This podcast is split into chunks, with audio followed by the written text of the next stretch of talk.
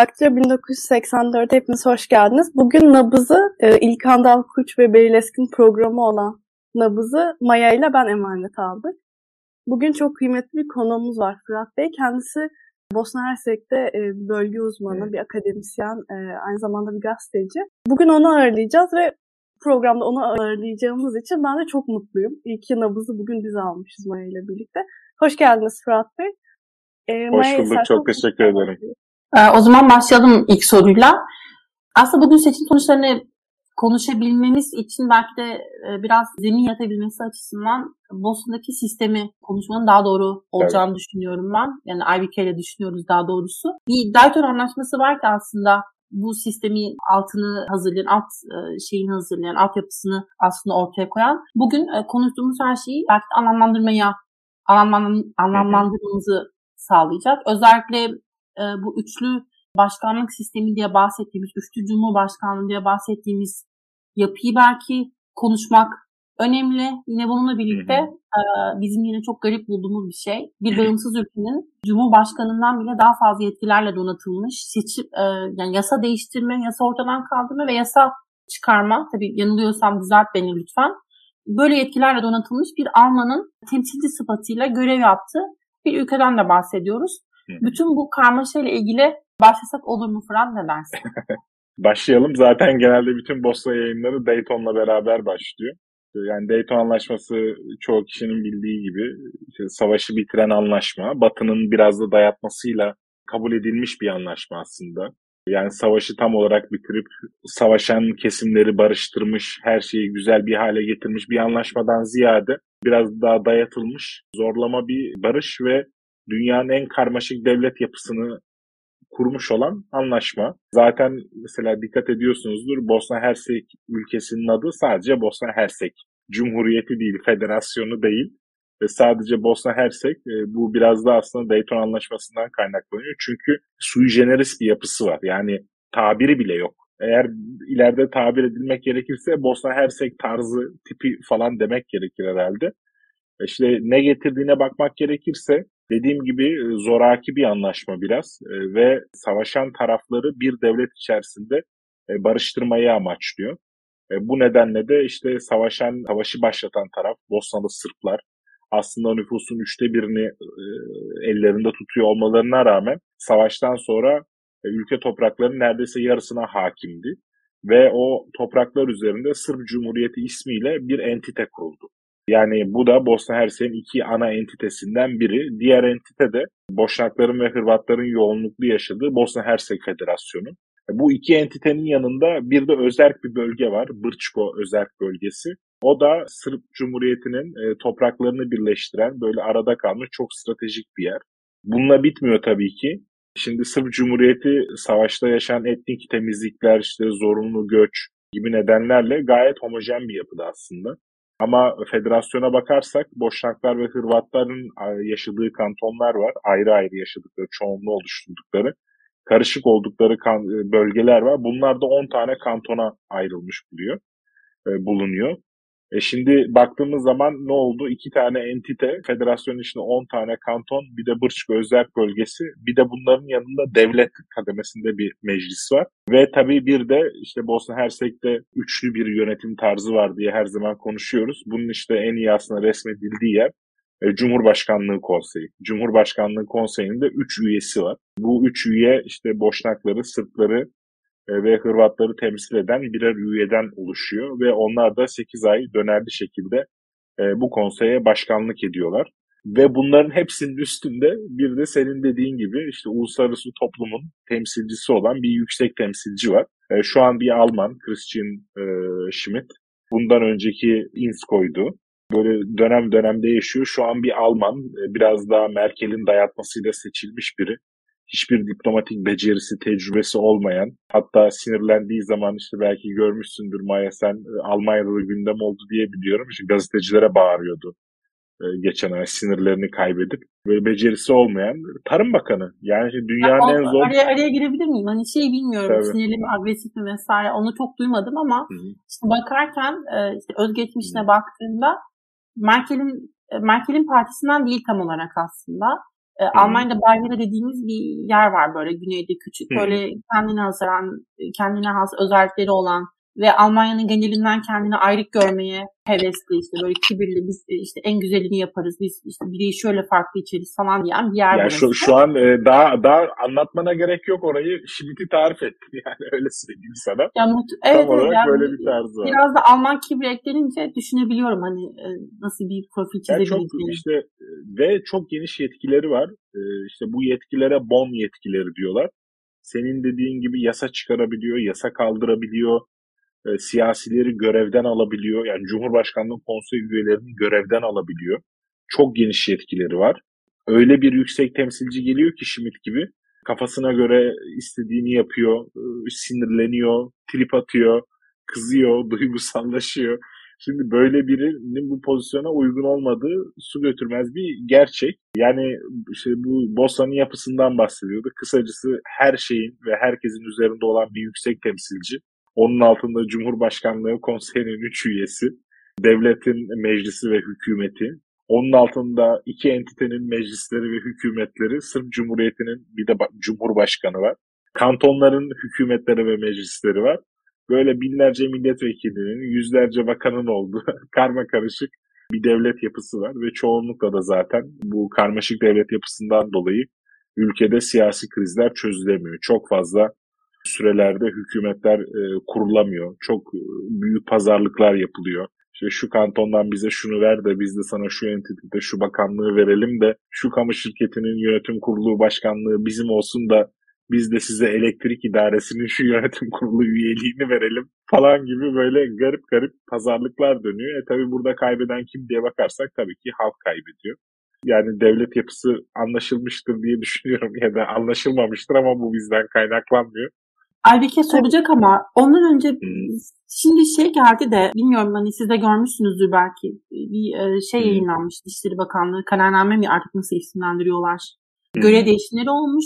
Bilmiyorum Balkanlarda herhangi bir değişim var mı? Eğer varsa onu da araya sıkıştırayım diye sor, sormak istedim. Bilmiyorum gördün mü? Dışişleri ben, ben listeyi ayrıntılı çünkü. incelemedim. Evet listeyi Hı-hı. ayrıntılı incelemedim ama daha geçen sene Balkanlardaki ülkelerin büyük elçileri değiştiği için büyük bir değişiklik olduğunu düşünmüyorum buralara bakan yönüyle. Bosna Hersek Büyükelçisi de geçtiğimiz yıl göreve başlamıştı. Aynı şekilde e, Sırbistan, Kosova, Karadağ, Makedonya'da öyleydi diye hatırlıyorum. O yüzden dediğim gibi listeyi de ayrıntılı incelemedim ama öyle bir değişiklik olduğunu e, sanmıyorum. Çünkü büyükelçilerin çoğu yeni. Teşekkür ederiz. Ya şimdi asıl konumuza yani seçime dönelim istiyorum. İşte hmm. Sırplar, işte Hırvatlar, Boşnaklar üçü kendi ayrı adaylarını seçti. Bu Hı-hı. seçimde bir de çok ilginç çekici konular vardı. İlk defa Begovic soyadlı birinin seçimi evet. kaybetmesi, Sırbistan bu kadar milliyetçi e, söylemleri olduğu halde Boşnak ve Hırvatların daha sosyal demokrat, sol, tandanslı adayları öne çıkarması Hı-hı. böyle bir atmosferde. Bunları sorarak e, başlayabilirim. Ya ilginç bir seçimdi her yönüyle. Şimdi baktığımız zaman işte SDAPA, Demokratik Eylem Partisi, e, Boşnakların e, en büyük partisi ve aynı zamanda işte Bosna'yı bağımsızlığını getiren, Bosna'da savaşı yürüten kişi olan Alija Izetbegoviç'in de kurduğu bir parti. parti. E, bu yüzden çok sembolik bir önemi var aslında. E tabii ilk kurulduğu zaman bana kalırsa SDA bir network'tü. Yani bütün Boşnakların üye olduğu ya da büyük oranda işte farklı farklı kesimlerden Boşnakların üye olduğu bir network partisiydi. Yani Yugoslavya'da kuruldu SDA. E, yani şöyle düşün, Yugoslavya seçimlerine katılıyordu. Makedonya'daki Müslümanlar da oy veriyordu. Kosova'dakiler de oy veriyordu. Sırbistan'da, Karadağ'dakiler de oy veriyordu. Yani aslında Müslümanları temsil eden de bir partiydi ve bunun içerisinde sosyal demokratı vardı, işte belki biraz daha İslami eğilimleri olanlar vardı, liberali vardı. E, böyle bir aslında network oluşumuydu partisiydi ama zaman içerisinde bu değişti. Daha böyle boşnak milliyetçisi, daha belki İslamcı öğelerle donatılmış bir partiye doğru e, gidiyor Ezde'ya. Şu an başında Ali İzzet oğlu var, e, Bakir İzzet ve Erdoğan'ın da yakın müttefiki. O yüzden bu seçimde kaybetmiş olması e, birkaç açıdan e, sembolikti. E, çünkü Erdoğan daha seçimler olmadan kısa bir zaman önce gelip açık açık destek verdi e, Bakir İzzetbegoviç'e. Bir anlamda onu işaret etti. E, ama tabii seçilemedi ve çok da büyük bir fark oluştu. Şimdi üç tane SDA'nın yanında iki tane daha toplamda üç tane büyük parti var. İşte SDA Boşnakları temsil ediyormuş gibi görünüyor. Bunun dışında Hırvat Demokratlar Birliği var. HDZ diye geçiyor. E, Dragan Čović'in kurduğu parti. E, bir de Milorad Dodik'in SNSD var. Şimdi bu üç parti etnik partiler ve en büyük partiler. E, bunun yanında işte etnik temellere dayanmayan çoğulcu partiler var. Sosyal Demokrat Parti gibi, Bizim Parti gibi ya da işte Demokratik Cephe gibi başka başka partiler de var. Tabii etnik etnik kökenli olan daha küçük partiler de var. Yani çok karma karışık bir yapı var. Son baktığımda sayı yüzün üzerindeydi siyasi parti sayısı Bosna'da seçime giren. Böyle bir şey de var. E, siyasi karmaşa da var ülkede. Parti kurmak çok kolay. Her ayrılan kendine bir parti kuruyor. O yüzden karışık bir yapı var. Şu yüzden bu seçim önemliydi. E, bu etnik partiler aynı zamanda ülkedeki çözümsüzlüğü, statükoyu destekleyen partiler ve bir şekilde bu partiler ve liderleri anlaşabiliyor. Çünkü reformcu nitelikleri yok. Yani kendi destekçileri ve kendilerinin e, siyasi ve ekonomik çıkarları görüldüğü sürece bir şekilde ilerleyebiliyorlar. Şimdi buna çok büyük bir karşı çıkış var. Ve en son gerçekleşen yerel seçimlerde muhalefet işbirliği yaparak e, Saraybosna Belediyesi de dahil olmak üzere birçok belediyeyi kazandı bu etnik partilerden ve muhalefetin bir araya gelerek bir iş yapabileceği görüldü. Hatta Saraybosna'da başladı, işte Budapeşte de devam etti. İşte Saraybosna'da da kendisini devam ettiriyor diye yerel yönetimler üzerinden muhalefetin yükselişi diye birçok yazı yazıldı. Ben de birkaç tane yazdım bu konuda. Ee, yani muhalefetin bir araya gelince bu etnik büyük partilere meydan okuyabileceği görüldü. Ve bu seçimde de aynısını yaptılar. E, ne oldu? Sosyal Demokrat Parti üyesi işte Denis Beçiroviç Bakir Izetbegoviç'in karşısında aday oldu ve onu 11 tane parti destekledi. Şimdi e, Sosyal Demokrat Parti zaferi kazandı falan diye Türkiye'de yorumlar yapılıyor, yazılar yazılıyor. Yani alakası yok. Sosyal Demokrat Parti o 11 partiden bir tanesiydi. En büyüklerinden biri olabilir ama sağcı parti de vardı içerisinde, sol parti de vardı, sosyalist parti de vardı, etnik partiler de vardı. Desteklediler SDA adayına karşı ve neredeyse %20 puanlık bir fark attı Bakir Izetbegoviç'e. Aynı şekilde Hırvatlarda da Jelko Komšić karşısındaki adaya çok büyük bir fark attı. O da sosyal demokrat kökenli biri. Zaten eski Sosyal Demokrat Parti lideri. İki kere Sosyal Demokrat Parti'nin bir kere de şimdi Demokratik Cephe'nin adayı olmuştu ve kazanmıştı. Şimdi burada bu seçimleri kazanmaları ülkede bir değişimin mümkün olduğunu gösteriyor. Ama e, görelim ki olay sadece işte en başta anlattık ya devletin çok karmaşık bir yapısı var diye ve çok parçalı işte meclisler, bak hükümetler, kantonlar, entiteler, işte devlet seviyesi, işte devlet seviyesindeki meclisin iki kamerası var falan. Böyle acayip karışık bir sistem var ve ademi merkeziyetçi bir yapı var e, Bosna Hersek'te. Yani Cumhurbaşkanlığı konseyi üyelerinin görevi işte dış politika, güvenlik gibi e, konularda devletin politikasını belirlemek. Yani tam olarak sembolik bir cumhurbaşkanlığı diyemeyiz ama bir cumhurbaşkanlığı e, sistemi var da e, diyemeyiz ve e, yetkiler daha çok meclislerde e, yerel yönetimlerde. Yani baktığımız zaman kantonlar aslında mesela federasyon içerisindeki politika üretimini yapıyor. Halka giden onlar. E, ya da meclislerde yasa çıkarılıyor. Orada çalışma yapılıyor. E, burada da maalesef bakıyoruz. Ben maalesef diyorum kendim böyle düşündüğüm için. Hala etnik partilerin işte SDA'nın, SNSD'nin, HDZ'nin çok büyük üstünlüğü var. O yüzden seçim sonuçları ilk başta Cumhurbaşkanlığı e, Konseyi'nin seçimleri seçim sonuçları açıklandı. Çok büyük bir adım olduğunu düşünüyorum. Bunu kabul ediyorum. Ama tek başlarına ne kadar başarılı olabilir Cumhurbaşkanlığı Konseyi iki sosyal demokrat üyesi.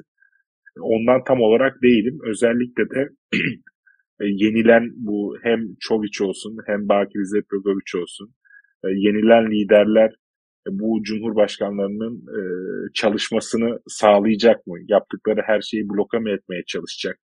Şimdi bir rövanş şeyi de oluştu.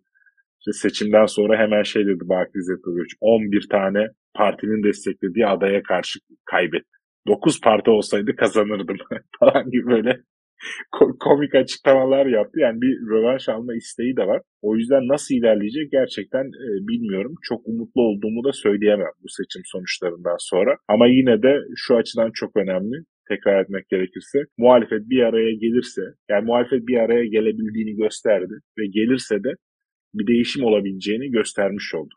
Şeyi anlamak zor. Yani mesela muhalefet ne istiyor? Ya Bosna Hersek'te ne bileyim mesela hmm. ekonomik kriz mi var? İşte e, yürüteçte yürüyen insanların e, siyasi tercihlerde bulunduğu ve genç tüm herkesin bir şekilde Avrupa'ya gittiği korkunç bir demografiye mi sahip? Şu an bildiğimiz kadarıyla hmm. bildiğimiz kadarıyla değil de şu an aktif bir savaş yok Bosna Hersek'te mesela. Hmm. Bu bir kazanım hmm. olarak mı görülüyor? Tabii izleyici sorusuna dönersek eğer mesela insanlarda bir sistem isteği var mı? Neden bir Alman işte bizim seçim yasamızı falan değiştirebiliyor, o yasamıza bu yasamıza karışabiliyor? Ya, Neden şey üç kişi bizim Cumhurbaşkanımız? Alman, Alman olmasına çok takılma bence. İlk defa bir Alman oluyor. Bir yüksek temsilci var. Bayağı ee, uzun bir süre Avusturyalı biri yapmış ama. Evet Avusturyalı yaptı. İşte başka Avrupa. Ben Cermenlere e, şeyim, huysuzlanıyorum aslında. Öyle. İçinde agresif yani orada işte Japon da olsa Türk de olsa aslında arzu edilmeyen yani bir demokraside hani beklentimiz halkın oyununla göreve gelmiş kişilerin karar alma süreçlerinde aktif olması ya. Ya aslında ona takılıyorum tabii ki. Yoksa etnisitesinin ne olduğunu üstte böyle Ya şöyle, yani Bosna Hersek'in en büyük problemi bu siyasi karmaşa ve bu siyasi karmaşanın getirdiği istikrarsızlık. Şimdi bu istikrarsızlık içerisinde Ekonomi de düzelmiyor, milliyetçilik de yükseliyor, insanlar göç de ediyor, sağlık sistemi de çöküyor, eğitim sistemi giderek kötüleşiyor, yolsuzluk artıyor, rüşvet artıyor. Ee, yani insanların devlet dairelerinde işleri çözülmez bir hale geliyor bu bürokrasi devinin içerisinde. En büyük sorun bu. Yani ülkenin diğer bütün sorunları bununla alakalı. Ee, yani devletin bu yönetim sisteminin değişmesi lazım. Ama bunun değişmesi çok zor. Çünkü bu üç kurucu unsurun bir araya gelip bunu revize etmesi lazım. Başka türlü bunun bir çözümü yok ve bu üç kurucu unsurun bir araya gelip bir şeyde anlaşması mümkün değil. Yani örnek vereyim 2013 yılında kimlik kartlarının nasıl olacağını anlaşamadılar ve doğan çocuklar sağlık sigortasından yararlanamadığı için tedavi alamayıp öldü bu ülkede. Yani böyle bir e, durumdan bahsediyoruz. Ee, yine dediğim gibi etnik partilerin kendi ayrı çıkarları var. Ee, yani mesela en büyük işte gerilimleri, siyasi gerilimleri söylemek gerekirse işte Sırp Cumhuriyeti'nin bağımsızlık talebi var. Şimdi Ukrayna Savaşı çıkınca Bosna biraz ikinci planda kaldı. Aslında Ocak ayında, Aralık ayında Bosna'da savaş çıkıyor diye yazıyorduk, konuşuyorduk falan. Bir anda Ukrayna çıkınca Bosna arka planda kaldı ama işte Bosna'daki ayrılıkçı Sırplar e, ordu kurmak istiyorlar. Meclisi yetkilendirin mişlerdi. Bağımsızlığa giden işte yasaları hazırlaması için vesaire. Bunlar biraz geri planda kalmış olsa da yani öyle görünse de aslında hala çok gerçek tehditler. Şey Hırvatların talepleri var. Hırvatlar da diyor ki biz federasyonda boşnaklar çok fazla olduğu için yeterli yetkimiz yok, temsiliyetimiz yok. Biz de diyorlar ayrı bir entite istiyoruz kendimize. Şimdi bu entitenin sınırları falan da belli değil. Orta Bosna'da böyle boşnakların daha yoğunluklu olduğu yerleri de kendilerini istiyorlar. E boşnaklar ne istiyor? Boşnaklar da merkezi bir hükümet istiyor. Burada artan nüfuslarının da etkisi var. İşte Hırvatların gider, Hırvatların ve Sırpların yüzde olarak düşen bir nüfusu var. Ülkenin nüfusu bu arada düşüyor. Yani savaştan önce 4 milyon olan ülkenin nüfusu şu an herhalde 3 milyonun altındadır. Yani ben resmi rakamı söylemiyorum ama sahada görünen yani Bosna'dan her sene bir şehir yok oluyor diyebiliriz. Aileler göç ediyor artık Bosna'dan. Yani şöyle söyleyeyim, benim burada olduğum süre boyunca arkadaşlarımın yarısı Bosna'dan gitti. Yani gidiyorlar, Almanya'ya gidiyorlar, Belçika'ya gidiyorlar, İngiltere'ye gidiyorlar. Herkes bir şekilde e, iş bulup gitmeye çalışıyor. Çünkü ülkede bir gelecek görmüyorlar. Bu karmaşık siyasi yapıda devam ettikçe, gerilimler artmaya devam ettikçe insanlar kaçmak için yer alıyorlar ve maalesef en büyük sorunun da bu olduğunu düşünüyorum. Ülkede kalanlar da etnik milliyetçi partilere yönelen, işte yolsuzluğun bir şekilde bu kurulan düzemin, müesses nizamın diyelim parçası olmuş olan ya da olmak isteyen kişiler, iyi kişiler, eğitimli kişiler de ülkeden gidince çok büyük bir ümitsizlik hali kaplıyor insanları. Ben en büyük sorunun bu olduğunu düşünüyorum ve bunun da kolay kolay çözüleceğini düşünmüyorum. Yani nasıl çözülebilir dersen böyle 12-13 yıldır Balkanlar çalışan biri olarak bilmiyorum yani nasıl çözüleceğini. Böyle cevaplandırmış olayım. Belki bir cevap vermedim ama ya gelecek demişken şunu da sormadan olmuyor. Ee, şimdi bu Bosna Hersek'in Avrupa bir hani halk genelinde bir Avrupa Birliği'ne şu an bakışı nasıl? Çünkü hmm. e, bölgede işte Amerika ülkeleri de Avrupa Birliği'nin ilgisinin azaldığını görüyoruz. Tabii yanlışsa düzeltin tabii ki Rusya'nın bölgede daha etkin ve daha e, ilgili hmm. olduğunu görüyoruz. Şu an bütün bu halklar nasıl görüyor bu AB sürecini? Ya şimdi şöyle Boşnaklar ve Hırvatlar için e, bakmak gerekirse Avrupa yanlı, Avrupa Birliği yanlısılar ve üye olmak istiyorlar. Ee, Sırplar tabii biraz mesafeli duruyor. Çünkü e, bir paket halinde düşünüyorlar Avrupa Birliği'ni aslında. Avrupa Birliği'nden sonra NATO üyeliği mi olacak vesaire gibi. E, ama Sırbistan'ın da aday üye olduğunu düşünürsek aslında esasında Sırpların da Avrupa Birliği konusunda çok büyük itirazı yok. Yani Avrupa Birliği ile beraber gelecek olan o refahı falan kimsenin reddetmek istediği yok. Ama Şimdi Avrupa Birliği ile alakalı şöyle bir şey var. Avrupa Birliği Bosna'dan çok şey istiyor. Şimdi Ukrayna'yı, Moldova'yı falan tak diye ada üye yaptılar. Bosna 10 yıllardır ada üye olmayı bekliyor. Geçen ben bir liste gördüm. Bosna Hersek her şeyi yapmış neredeyse ondan istenilen. Hükümetler arası görüşmelerin falan artık başlaması lazım. Üyelik statüsünü alması lazım. Ama mesela istediği bir şey var. Devlet sisteminin değişmesini istiyor. Çünkü fonksiyonel bir devlet yapısı yok. Ya bu devlet yapısı nasıl değişecek? Bunu siz kurdunuz. Yani siz dayattınız bu devlet sistemini. Yani bu nasıl değişebilir? Yani az önce dedim ya bunun bir cevabı yok. Nasıl değişecek? Nasıl bir araya gelecekler? Yani yeniden savaş mı çıkması lazım? Ya da bu üç işte milletten bir tanesinin ülkeyi domine edip referanduma mı gitmesi lazım? Yani bunun dışında buradaki devlet yapısının çözülmesinin imkanı yok ve Avrupa Birliği de giderek bölgede güç kaybediyor. Burada biraz Merkel'i eleştireyim. Yani Merkel'in yani Avrupa Birliği'nin son 10 yıldaki belki yani 12 yıldaki bu genişleme politikalarını özellikle Balkanlar konusunda Merkel yönetti. Yani lokomotif Merkel'di. Ve bence Merkel'in en büyük hatası Avrupa Birliği kendi sorunlarıyla uğraşırken e, Balkanlar gibi işte e, genişleme ihtimali olan bölgelerde istikrar sürsün diye, başımız çok ağrımasın diye bir anlamda böyle otokratik popülist yönetimleri desteklediler. Ve baktığınızda her ülkede bir tane otokrat çıktı. İşte Ankara'dan başlarsak Zagreb'e kadar her yerde otokratlar ya da otokratçıklar var. E, buna da hatta literatürde stabilitokrasi diyorlar. İşte stabilite ve otokrasinin bir araya geldiği, Avrupa Birliği'nin desteklediği stability, stabilitokrasiler oluştu. E tabi bu Şimdi bakıyorsun popülist, milliyetçi, yeri geldiği zaman birbiriyle anlaşabilen, yeri geldiğinde Avrupa karşıtlığına oynayabilen liderler. Yani burada Avrupa Birliği'nin kendisinin oluşturduğu bir istikrarsızlık, siyasi istikrarsızlık durumu var. Bunu da en fazla Merkel yaptı.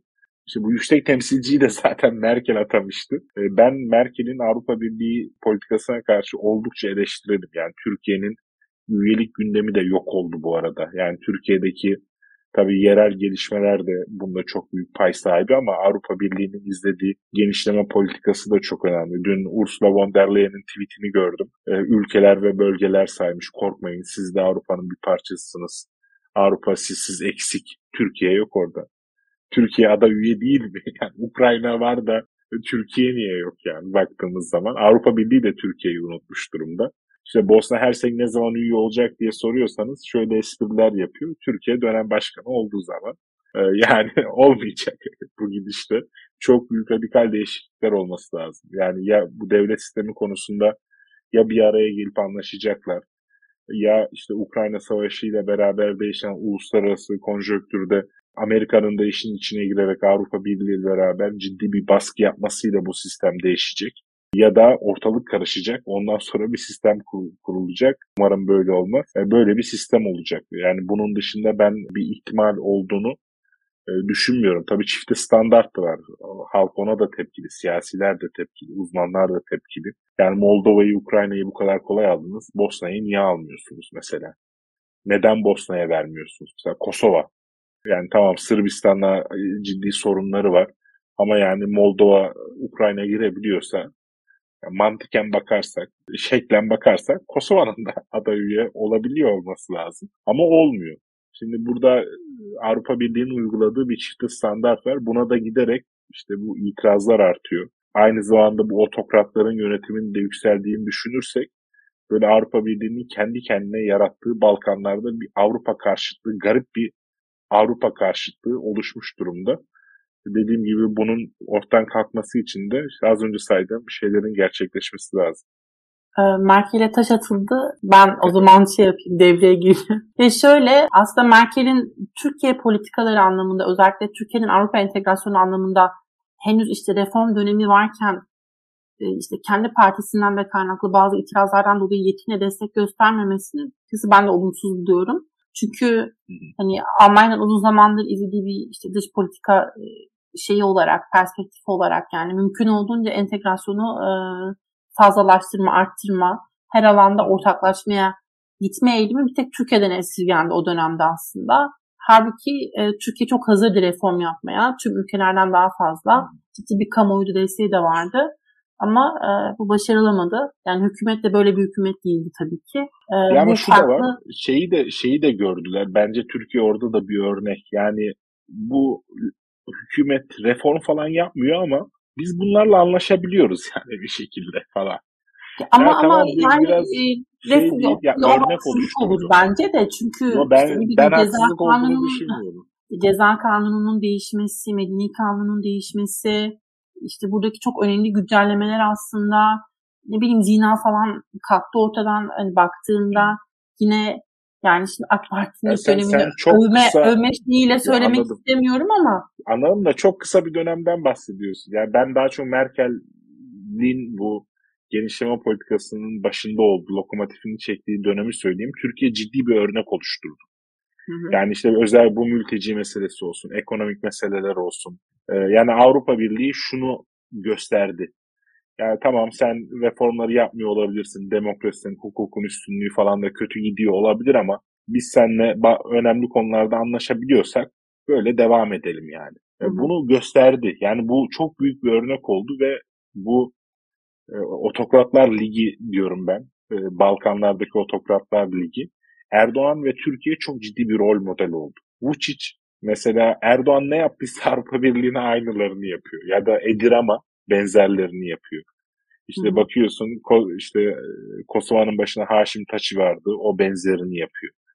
Yapıyordu. Ya da Karadağ'da Milo Djukanovic. Böyle e, ciddi bir örnek oluşturdu bence Avrupa Birliği ve daha küçük ülkeler ve özellikle işte bu komünizmden çıkmış, sosyalizmden çıkmış ülkeler de bu tarz sorunların yaygınlaşması bence çok daha kolay ve hızlı bir şekilde bu oluştu. Yani Avrupa Birliği çok ciddi bir fırsatı tepti bence. Bu 2000 2005'lerden 2000 işte onların başına kadar olan ciddi bir böyle heyecan vardı. Onu yok ettiler. Şu an benim gördüğüm Bosna'da ya da Balkanlarda bu Avrupa Birliği heyecanı kalmış durumda değil. Benim siyasetçilerden beklentilerim daha minimum olduğu için e, Merkel'in de son dönemde gerek işte mülteci konusu, mülteciler konusunda attığı adımlar ve belki Erdoğan'a bir şekilde siyasi olarak tırnak içinde destek vermiş olma görüntüsü meselesi konusunda onu çok suçlayamıyorum. Yani şöyle suçlayamıyorum. Tabii ki bir Türk vatandaşı olarak evet ama tırnak içinde eğer hasbel kadar bir siyaset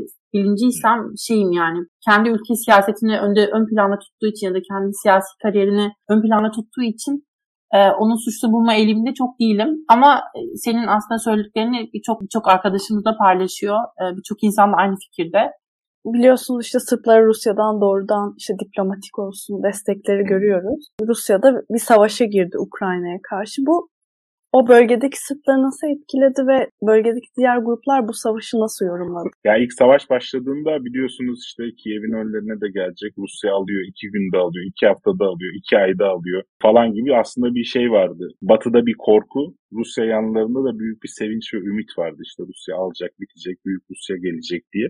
İşte bunlar olurken bütün dünyada Rusya karşıtı falan gösteriler yaparken Rusya yanlısı iki, gösteri yapan iki şehir var. Yani Belgrad ve Banja. Belgrad Sırbistan Cumhuriyeti'nin başkenti. işte Banyoluka'da e, Sırp Cumhuriyeti'nin idari merkezi. İki yerde Rus yanlısı açıklamalar, işte gösteriler yapılıyordu. İşte siyasilerin açıklamaları oluyordu. Rus yanlısı dünya düzeni değişiyor.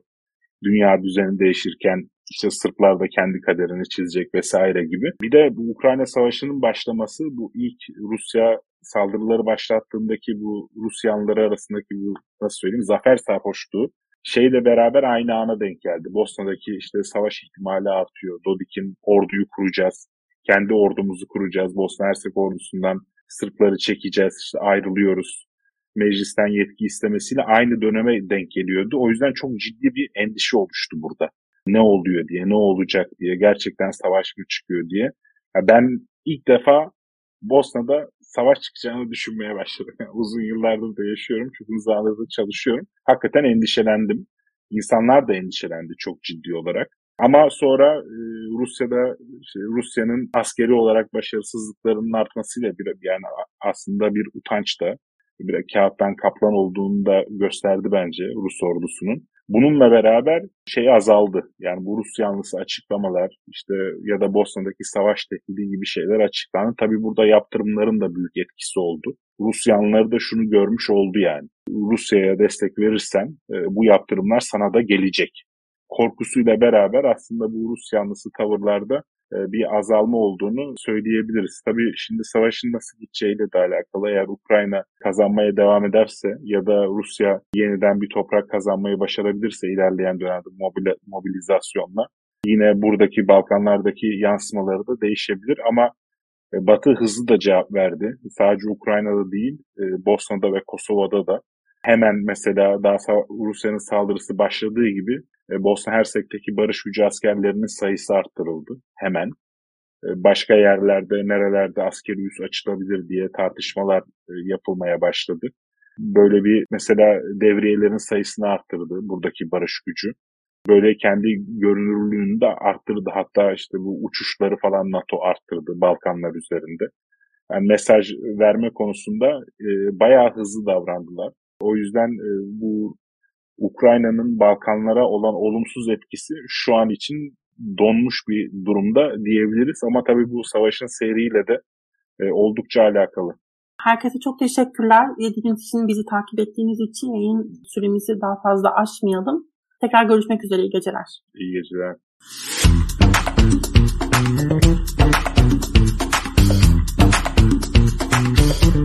Thank you.